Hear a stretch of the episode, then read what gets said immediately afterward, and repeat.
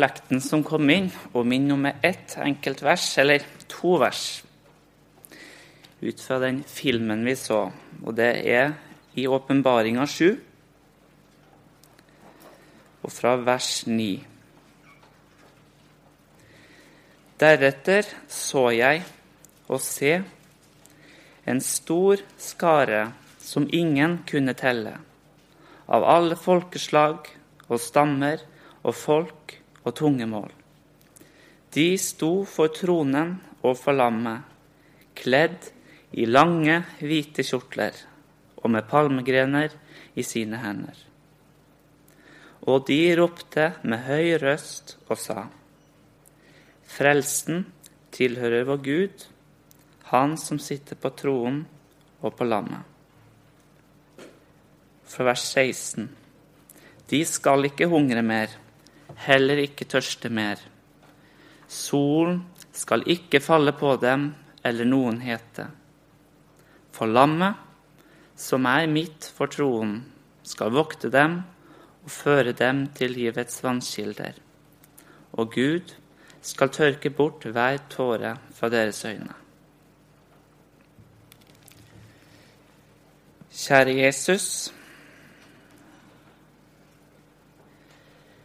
Takk for at det står i ordet ditt at der to eller tre er samla i ditt navn, der er du midt iblant.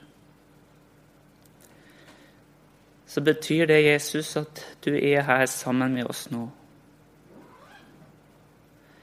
Takk for at du først og fremst vil møte oss. At du, Jesus, vil åpenbare ordet for hjertene våre.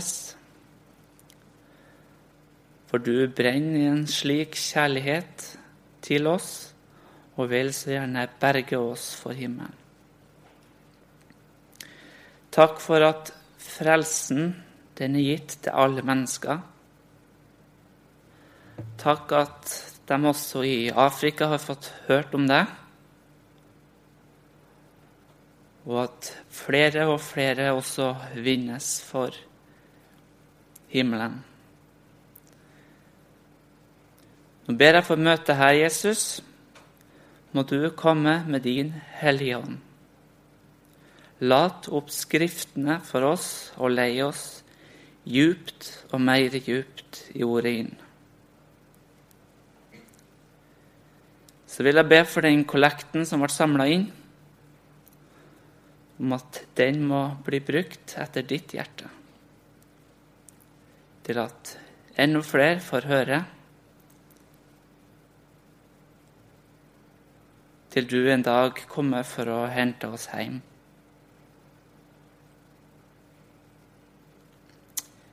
Ditt navn.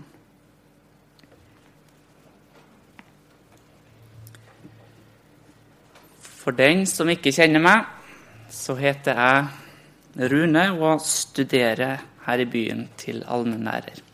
Så har dere det på plass. Eh, I dag så tenkte jeg å starte med et slags tankeeksperiment.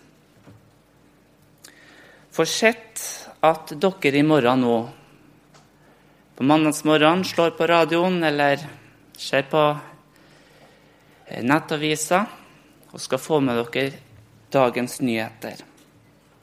Så står det der stor, med stor overskrift at nå er det oppdaga ei ny øy i Stillehavet. Ei øy som ingen har sett før.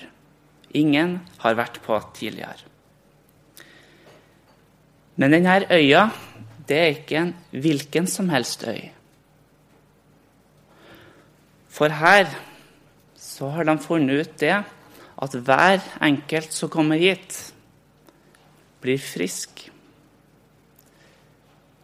Om du har smerter i livet, så blir du kvitt de smertene her.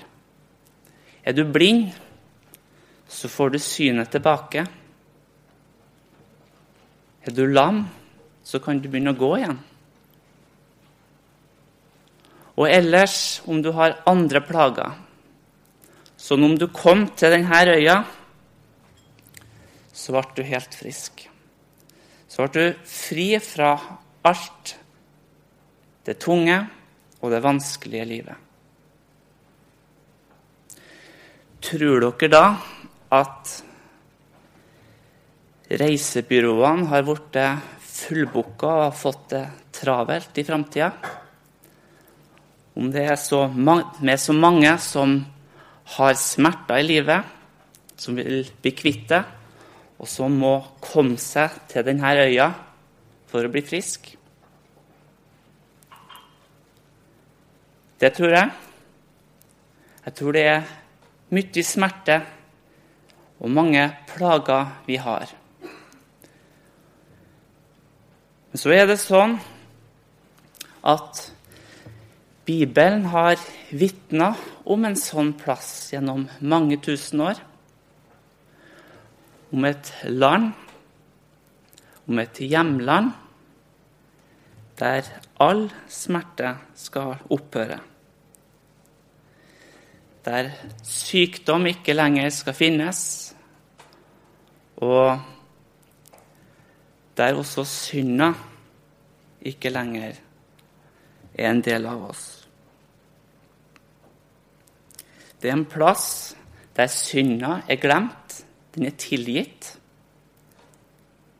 og der vi for alltid skal få ha det godt.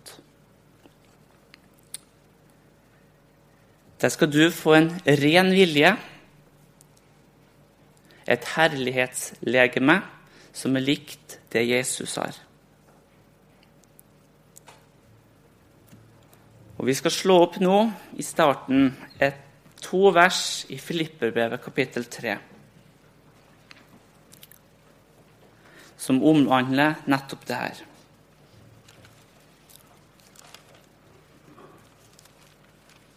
Filipperne 3 og vers 20 og 21.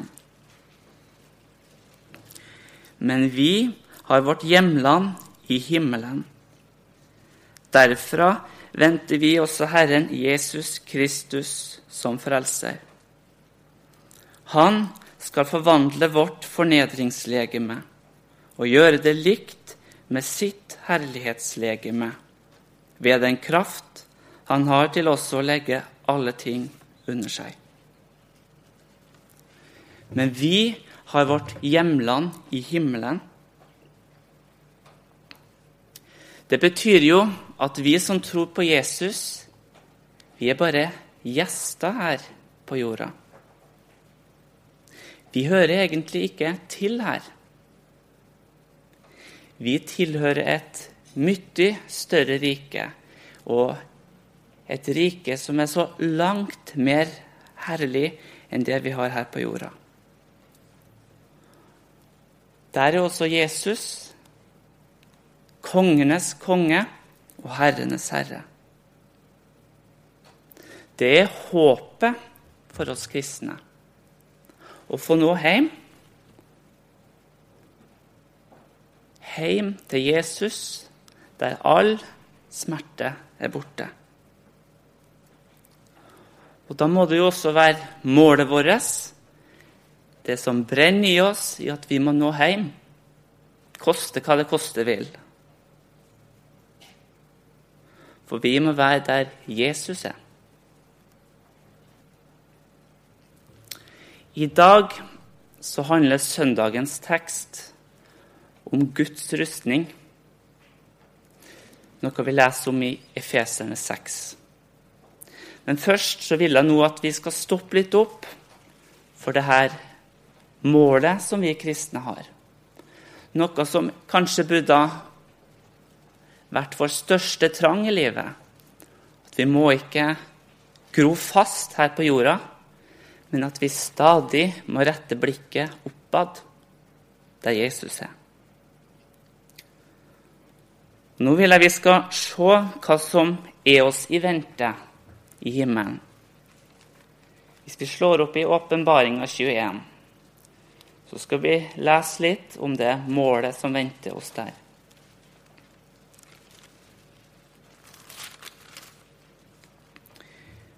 I Åpenbaringa 21 fra vers 1 så står det Og jeg så en ny himmel og en ny jord. For den første himmel og den første jord var veket bort, og havet er ikke mer. Og jeg så den hellige stad, det nye Jerusalem, stige ned ut av himmelen fra Gud, gjort i stand som en brud som er prydet for sin brudgom. Fra tronen hørte jeg en høy røst som sa, Se, Guds bolig er hos menneskene. Han skal bo hos dem, og de skal være hans folk. Og Gud selv skal være hos dem og være deres Gud. Han skal tørke bort hver tåre fra deres øyne. Og døden skal ikke være mer. Og ikke sorg og ikke skrik og ikke pine skal være mer. For de første ting er veket bort. Og han som satt på tronen, sa, Se, jeg gjør alle ting nye. Og han sier til meg, Skriv, for disse ord er troverdige og sanne. Så fra vers 23. Staden trenger ikke lys fra solen eller månen, for Guds herlighet opplyser staden, og lammet er dens lys. Folkeslagene skal vandre i stadens lys, og kongene på jorden bærer sin herlighet inn i den. Dens porter skal aldri stenges om dagen, for natt skal ikke være der. De skal bære folkeslagenes herlighet og ære inn i den. Og intet urent skal komme inn i staden, og ingen som farer med styggedom og løgn, men bare de som er innskrevet i livets bok hos lammet. Og han viste meg en elv med livets vann, klar som krystall, som strømmet ut fra Guds og lammets trone, midt i byens gate. På begge sider av elven sto livets tre, som bærer frukt tolv ganger og gir sin frukt hver måned. Og bladene på treet tjener til helse for folkeslagene. Det skal ikke lenger være noen forbannelse. Guds og lammets trone skal være i staden, og hans tjenere skal tjene ham. De skal se hans åsyn, og hans navn skal være på deres panner. Natt skal ikke være mer, og de trenger ikke lys av lampe og lys av sol, for Gud Herren skal lyse over dem, og de skal være konger i all evighet. Amen. Det her er altså det som venter oss som tror på Jesus. En evig herlighet sammen med Jesus, der vi skal få skue Han som Han er, vi skal få se hans åsyn. Så skal vi for alltid ha det godt. Og La dere merke til at Johannes skriver at de her ordene de er troverdige, de er sanne. Det er noe vi kan få holde fast på, sjøl om det er så mange rundt oss som rakker ned på oss, rakker ned på troa vår, de ser ingen Gud, så kan vi begynne å tvile på det her. Så står det her at det er noe vi skal få sette vår lit til. Det er sant, det som står. En dag så skal Jesus komme og hente sine hjem. Da skal han komme i sky. Og virkelig fullføre seieren. Da skal han vise seg som seierherre, få være vår frelser. Så skal vi med Jesus for alltid være sammen med han. Så er spørsmålet er dette viktig for oss. Er det noe som vi setter vår lit til?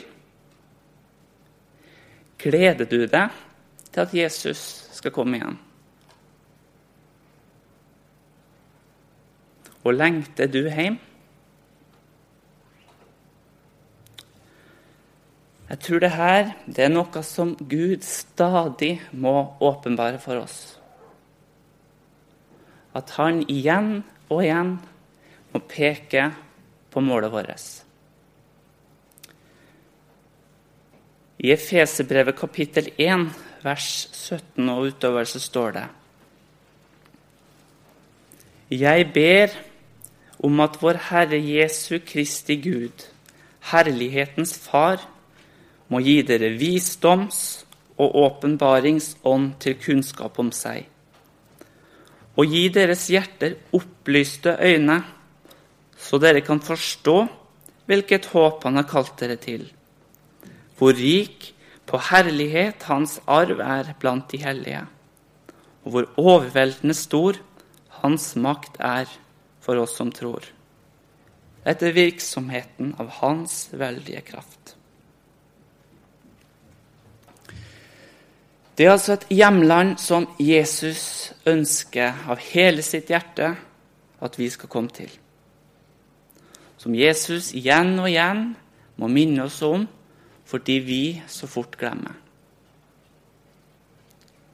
Så vil Jesus også i dag tenne dette håpet i hjertene våre. Håpet om å nå fram. Det er ikke noe han brenner så mye som som må berge hver enkelt av oss som er her i dag. At vi må komme til himmelen. Så ligger hele tida spørsmålet i lufta om om dette betyr noe for oss. Betyr noe for oss at Jesus skal berge oss hjem?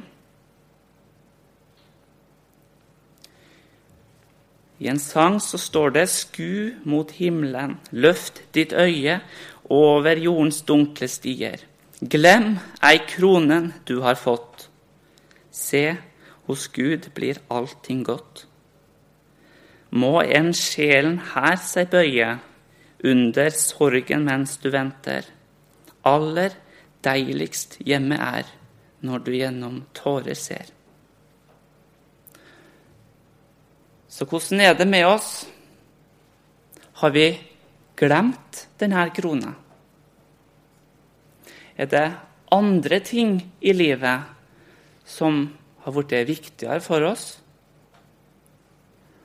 Har vi begynt å gro fast på jorda, sånn at vi ikke lenger er reiseklar? Det syns jeg er alvorlig for min del å tenke på om jeg virkelig ønsker å nå hjem, jeg som har det så godt på så mange måter. Jeg har mat, jeg har klær, jeg har venner rundt meg. Så blir hele tida spørsmålet ja, men hvor er hjertet mitt? Vil jeg hjem til Jesus? Vil jeg være der Jesus er? Og det her det er det som er det alvorlige i kristenlivet. Som på mange måter er også tema for dagens tekst, søndagens tekst. For blant oss så er det alltid én også som ikke vil at vi skal til himmelen.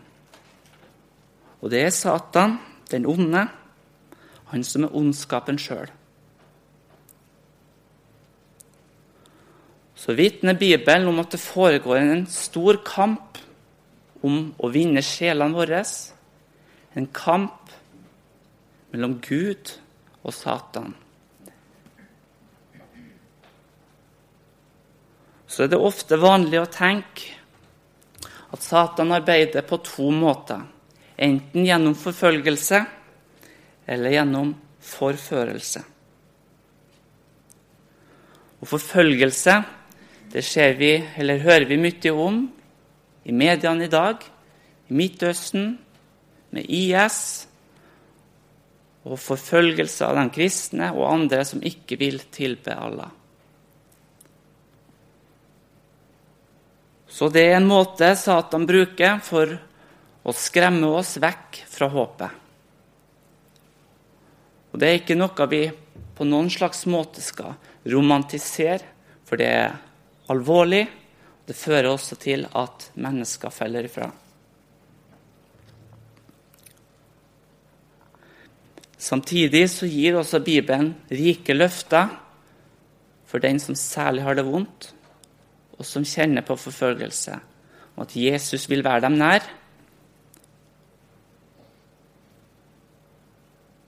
Og at han vil gå med dem i motgangen.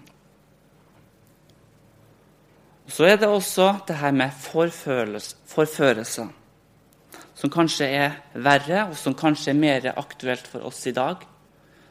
Hvordan Satan smyger seg inn i livene våre, endrer fokuset vårt bort fra Jesus i små ting som kan lede oss vekk fra, fra nåden. Så blir Satan som en slange som smyger seg inn i livene våre og vil ødelegge håpet for oss. Som vil at ting her i verden skal bli mer viktig for oss enn himmelen.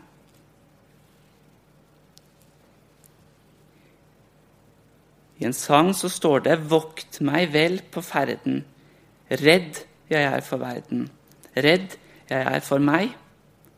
Den som deg har vunnet, rette veien funnet, kan forville seg. Så er det ikke bare verden rundt oss heller, men det er noe inni meg som også vil det onde.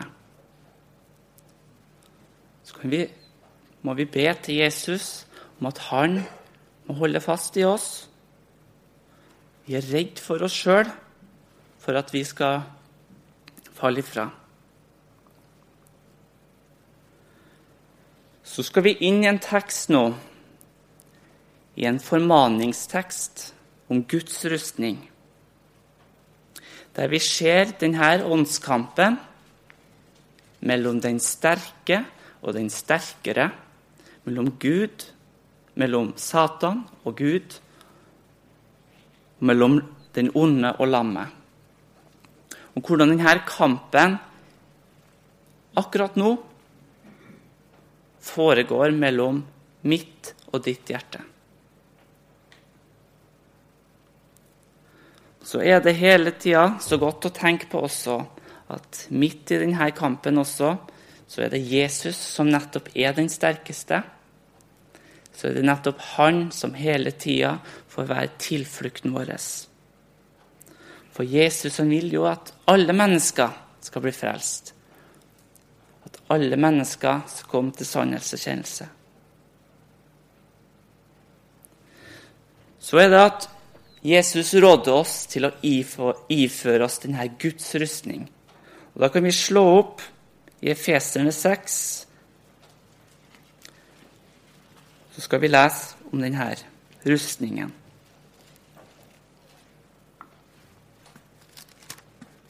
Efeserne 6 og fra vers 10.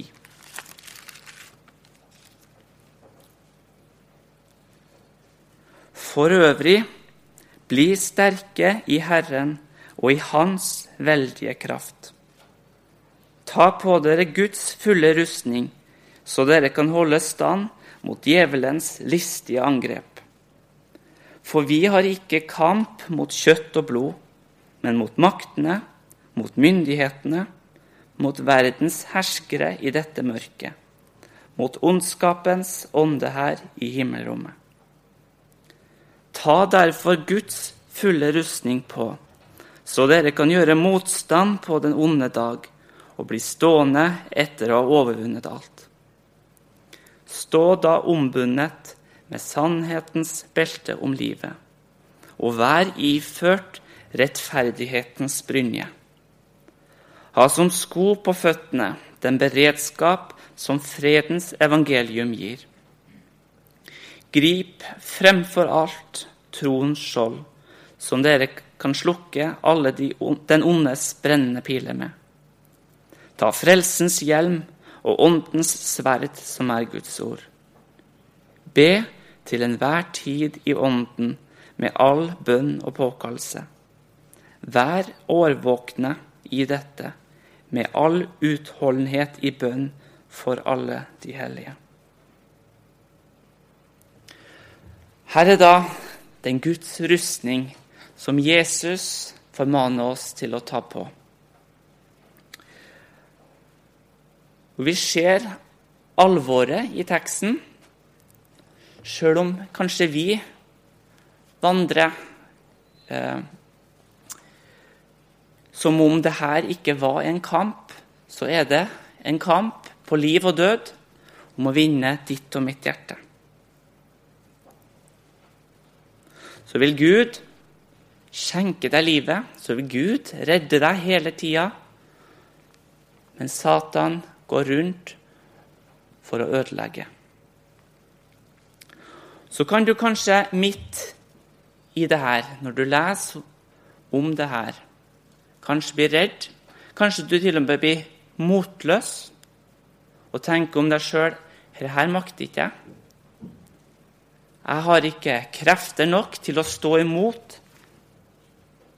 det her angrepet. Så skal du få se inn i det første verset her, der det ligger en enorm trøst for oss alle sammen. Der står det For øvrig, bli sterke i Herren og i Hans veldige kraft. Så er det ikke deg det kommer an på. Det er ikke din styrke i denne kampen det kommer an på. For hvis du møter opp i egen rustning som er mangelfull, så vil du fort falle fra. Du må være i Jesus, i hans verk. Så er du trygg.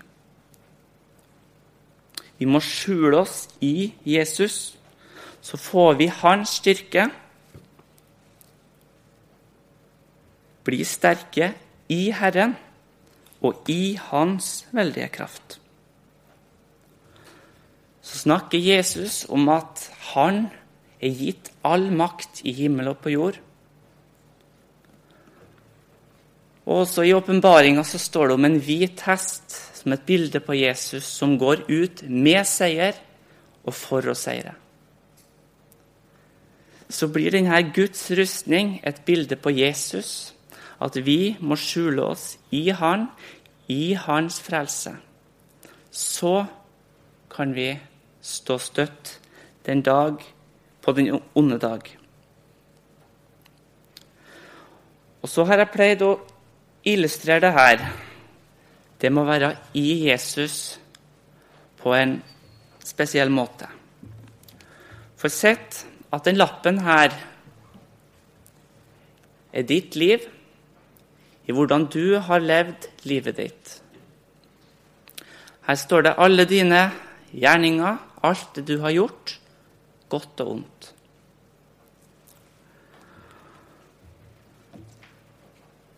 Så i møte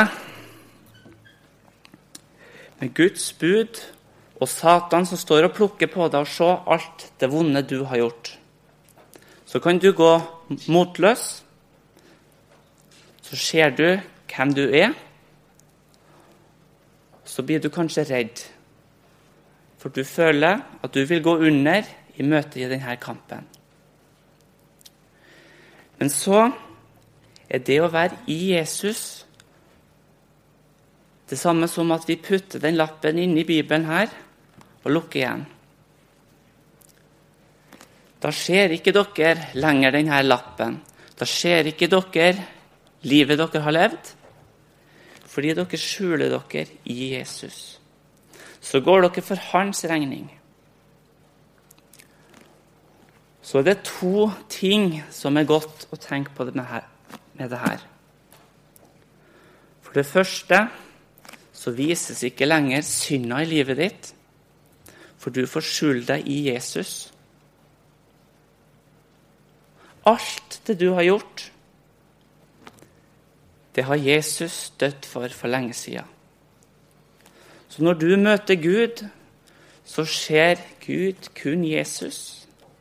Så går du for hans regning så står du rettferdig på dommens dag fordi du får gjemme deg i Han. På kortkurs nå så det, var det en som reiste seg og vitna litt om det som Noah sto midt oppi. Hvordan han og familien berga seg ved å skjule seg i arken, og på den måten ble redda for dommen.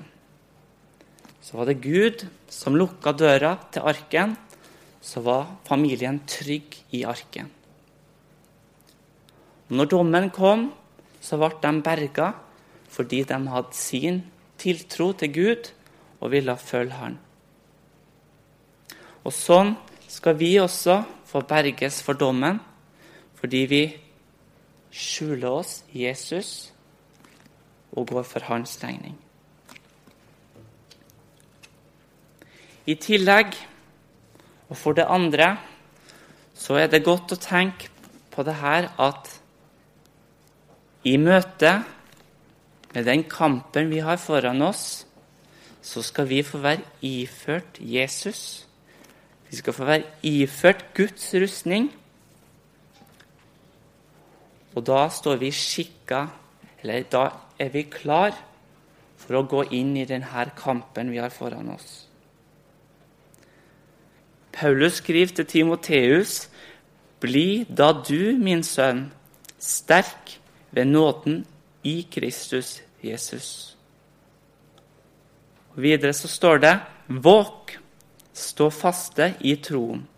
Vær mandige, vær sterke så ligger vår styrke i Jesus, og at vi får ikle oss denne rustningen som han vil gi oss. Så er det hele tida sånn at der vi kommer på avstand fra Jesus, der minker vår styrke, og da er vi i større fare. Dersom vi får holde oss nær til Jesus, så vil han være vår styrke i kampen.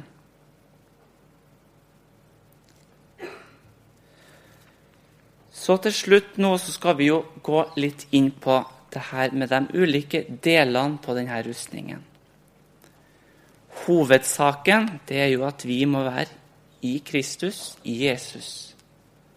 Som på mange måter er hele denne rustningen for oss. Men så er det ulike deler som alle er med på å lede oss mot himmelen. Og Det første som Paulus er innom, det at vi må stå ombundet med sannhetens belte om livet og være iført rettferdighetens brynje.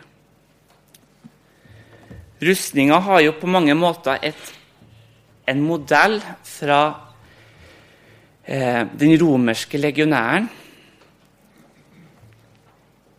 Soldaten for romerne som måtte iføre seg en rustning når han skulle ut i kamp. Og Det første han tok på seg, det var kledningen, beltet som han hadde om livet, en brynje, og så måtte han også ha sko på føttene. Og I tillegg til det så hadde han også våpen og skjold og hjelm som han måtte ha når han gikk inn i krigen. Og Det første Bibelen, eller Paulus nevner som bilde, det er sannhetens belte, som var det første soldaten tok på seg. Og før i, På Jesu tid så hadde de jo lange skjortler, gjerne.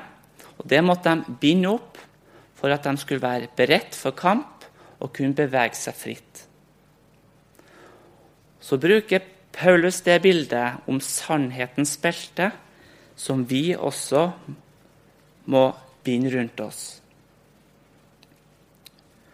Og Når Jesus står for Pilatus, så sier han at han er kommet for å vitne om sannheten. Om at det var Jesus som var kongenes konge, og at det var han som hadde all makt. På samme måte skal vi forklynge oss også til sannheten. Sannheten om at Det som står her, det berger oss for himmelen. Sannheten, at vi er tro mot den,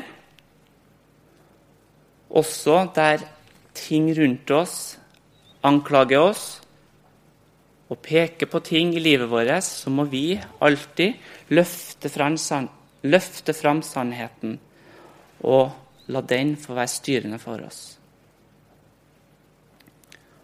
Det handler også om evangeliet. At vi tenker på om sannheten om oss sjøl. At vel er vi syndere, og vel er vi fortapt i oss sjøl. Men det er også en frelser. Jesus går også inn i er også frelseren vår, og det skal vi få holde fram når Satan driver og peker på oss og anklager oss for det vi gjør. Og Luther han ville ha sagt at vi er 100% syndere, men samtidig også 100% rettferdige. Og det må vi gripe fatt i i møte i den kampen vi har foran oss. Så var det også denne brynja som soldaten måtte ta på seg. Og Den skulle jo beskytte de mest viktige organene i menneskekroppen, hjertet og lungene, kanskje først og fremst, mot stikk og sår som kunne komme i kampen. Så skal vi også i den kampen vi er i, iføre oss rettferdighetens brynje. Og denne rettferdigheten det er ikke først og fremst rettferdigheten vi har i Jesus, men denne helliggjørelsen vi skal få vandre i hver dag. At vi legger vind på å leve sånn som Jesus vil. For hvis vi ikke gjør det, og ikke bryr oss om det her, så er vi ikke lenger skikka til den kampen vi skal inn i. Da er vi bar, da er vi sårbar for angrep fra Satan.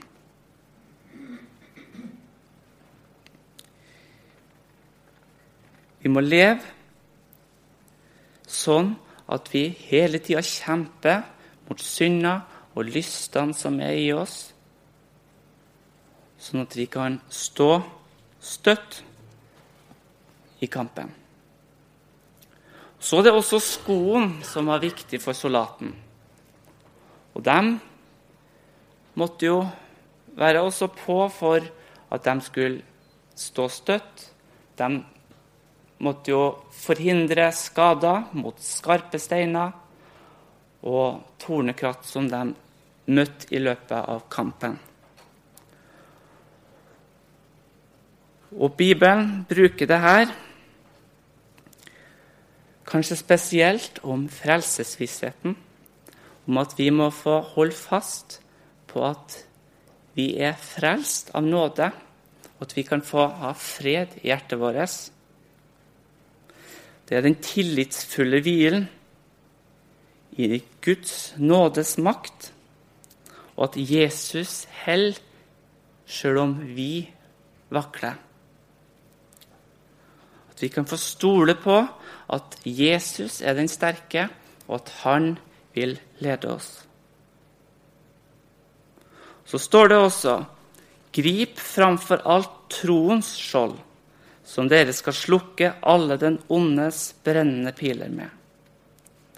Og skjoldet, det skulle jo eh, beskytte deg mot Satans mange piler, eller mot pilene i kampen så blir skjoldet et bilde på Jesus, at vi holder fast på han, og at når Satan anklager oss, så kan vi skjule oss i Jesus. Så biter ikke pilene hans fast i oss.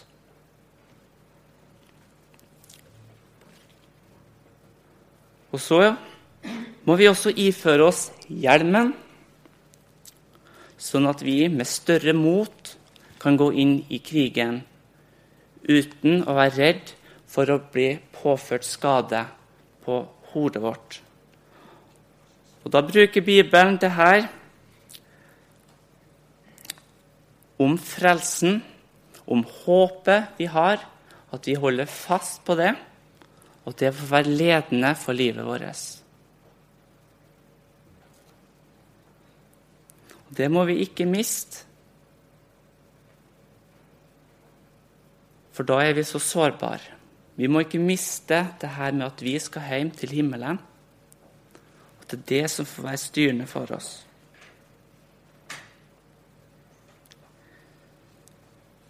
Så til slutt så nevner Paulus sverdet. Og da bruker han det som Guds ord at i møte med det onde så må vi bruke Guds ord. Det gjorde også Jesus. Hvordan han gikk inn i Skriften, inn i Ordet, i motangrep mot Satans anklager. Det skal vi også gjøre når vi kjenner oss motløse. Da skal vi gå tilbake til Skriften og la det få være styrende for oss. Og gjerne vise Satan det, at det står her at jeg er rettferdig, sjøl om jeg har så mye synd i livet, så fremt jeg kan skjule meg i Jesus.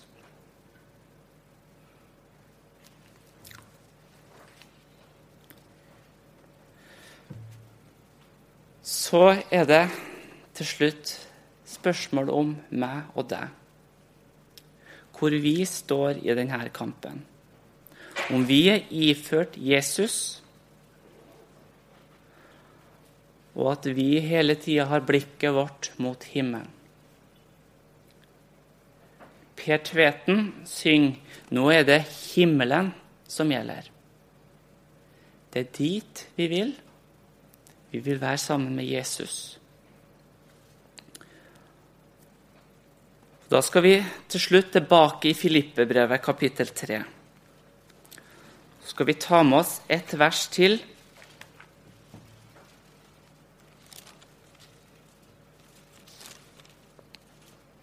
Filipperne 3, vers 20. Men vi har vårt hjemland i himmelen. Derfra venter vi også Herren Jesus Kristus som frelser.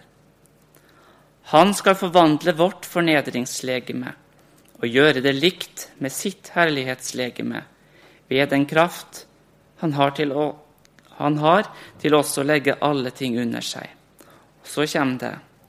Derfor, mine brødre, som jeg elsker og lengter etter, min glede og min krans, stå fast i Herren, mine kjære. Så er det det som betyr noe for oss, om vi kan få stå fast i Herren.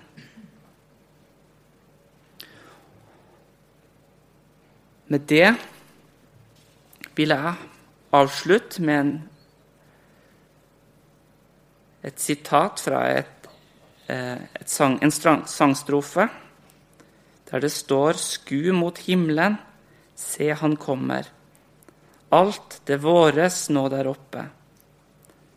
Var en vinternatten lang, Deilig blir din himmelsang. Da slår ut i lyse sommer alle hjertes visne knopper. Hva du lengtet, hva du led, glemmes i hans salighet. Så setter Eivind på en sang kanskje nå, av en Per Tveten, om at det er himmelen som gjelder. Det er dit vi må alle sammen få møte hverandre igjen. Amen.